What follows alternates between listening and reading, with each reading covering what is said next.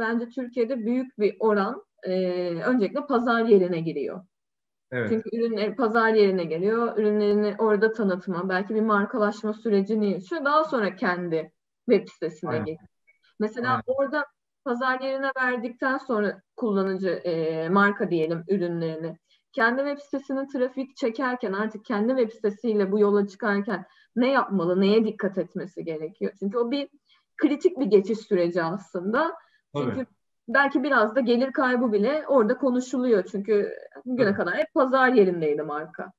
Tabii yani aynen öyle. Şimdi şöyle e, yurt içi pazar yerlerinin ben biraz daha e, sabote ettiğini düşünüyorum e, marka isimlerini. Yani size Google tarafında branding reklamlarıyla önünüze çıkarak sabote ediyor e, Türkiye'deki yurt içindeki pazar yerleri ve bu hoş olmayan bir durum yani açıkçası. Çok da tanıdığım var yani hani affetsinler beni bu konuda. E, ama ben gerçekten samimiyetimle böyle düşünüyorum. Ama yurt dışı pazar yerinde de tam tersini düşünüyorum.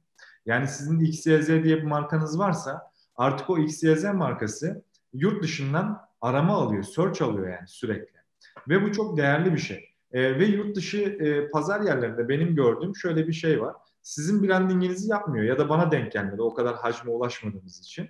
E, şu an için brandinginizi yapmıyor ve müşteri sizi pazar yerinde tanıdıktan sonra sizin isminizi e, yani markanızı Google gibi arama motorlarında arattığında sizin sitenize organik bir şekilde gelmiş oluyor. Yani bir müşteri kazanımını pazar yerinden yapmış oluyorsunuz.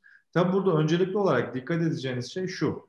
Yani girmiş olduğunuz pazar yerindeki müşterinin e, işte konuştuğu dil, e, işte o hani native dili diyoruz ya böyle ana dili. E, ana dilini e, iyi bilmeniz ve sitenize e, işte empoze et, yani entegre etmiş olmanız gerekiyor. Bu çok değerli. Şimdi biz Rusya pazarını açıyoruz ama Patırtı.com'da mesela Rusça yok. Örneğin bence bu büyük bir eksiklik. Yani oradaki eminim işte Rus e, işte tüketiciler aratıyordur yani hani bu arada ona da bakmadım yani benim ayıbım hakikaten. e, çünkü Rusça olmadığı için. E, ama olması gerekiyor. Yani bunu şöyle e, örnek verelim. İşte herkes e, çoğu kişi e, evrensel dil olarak İngilizceyi İngilizce. kullanıyor. Evet yani şimdi siz eğer e, sitenizde İngilizce varsa şuna dikkat etmeniz lazım. Almanya'dan gelen bir kişiye ya da İngiltere'den gelen bir kişiye lokalizasyon yapmanız lazım. Bu çok değerli. IP lokalizasyonu. Yani gelen kişinin fiyatlarını ülkeye göre değiştireceğiniz için e, Almanya'dan geldiyse teslimat ülkesinin arka planda Almanya olarak ya da işte dilini Almancanız varsa Almanca en kötü İngilizce belirlemeniz lazım. Çünkü Türkçe dili gösterirseniz ve aynı fiyatları gösterirseniz hiçbir esprisi kalmaz o müşteri kazanımın. Yani o en kötü bir İngilizce dili olması gerekiyor aslında. Tabii İngilizce en aynen öyle. Ya, aynen öyle. İngilizce evrensel bir dil artık. Bunu hepimiz kabul ediyoruz ve en çok kullanılan dil. E, o yüzden İngilizce kesinlikle olması lazım. Spesifik pazarlara da giriyorsanız, Orta Doğu'ya giriyorsanız Arapça, Farsça biraz daha az kullanılıyor.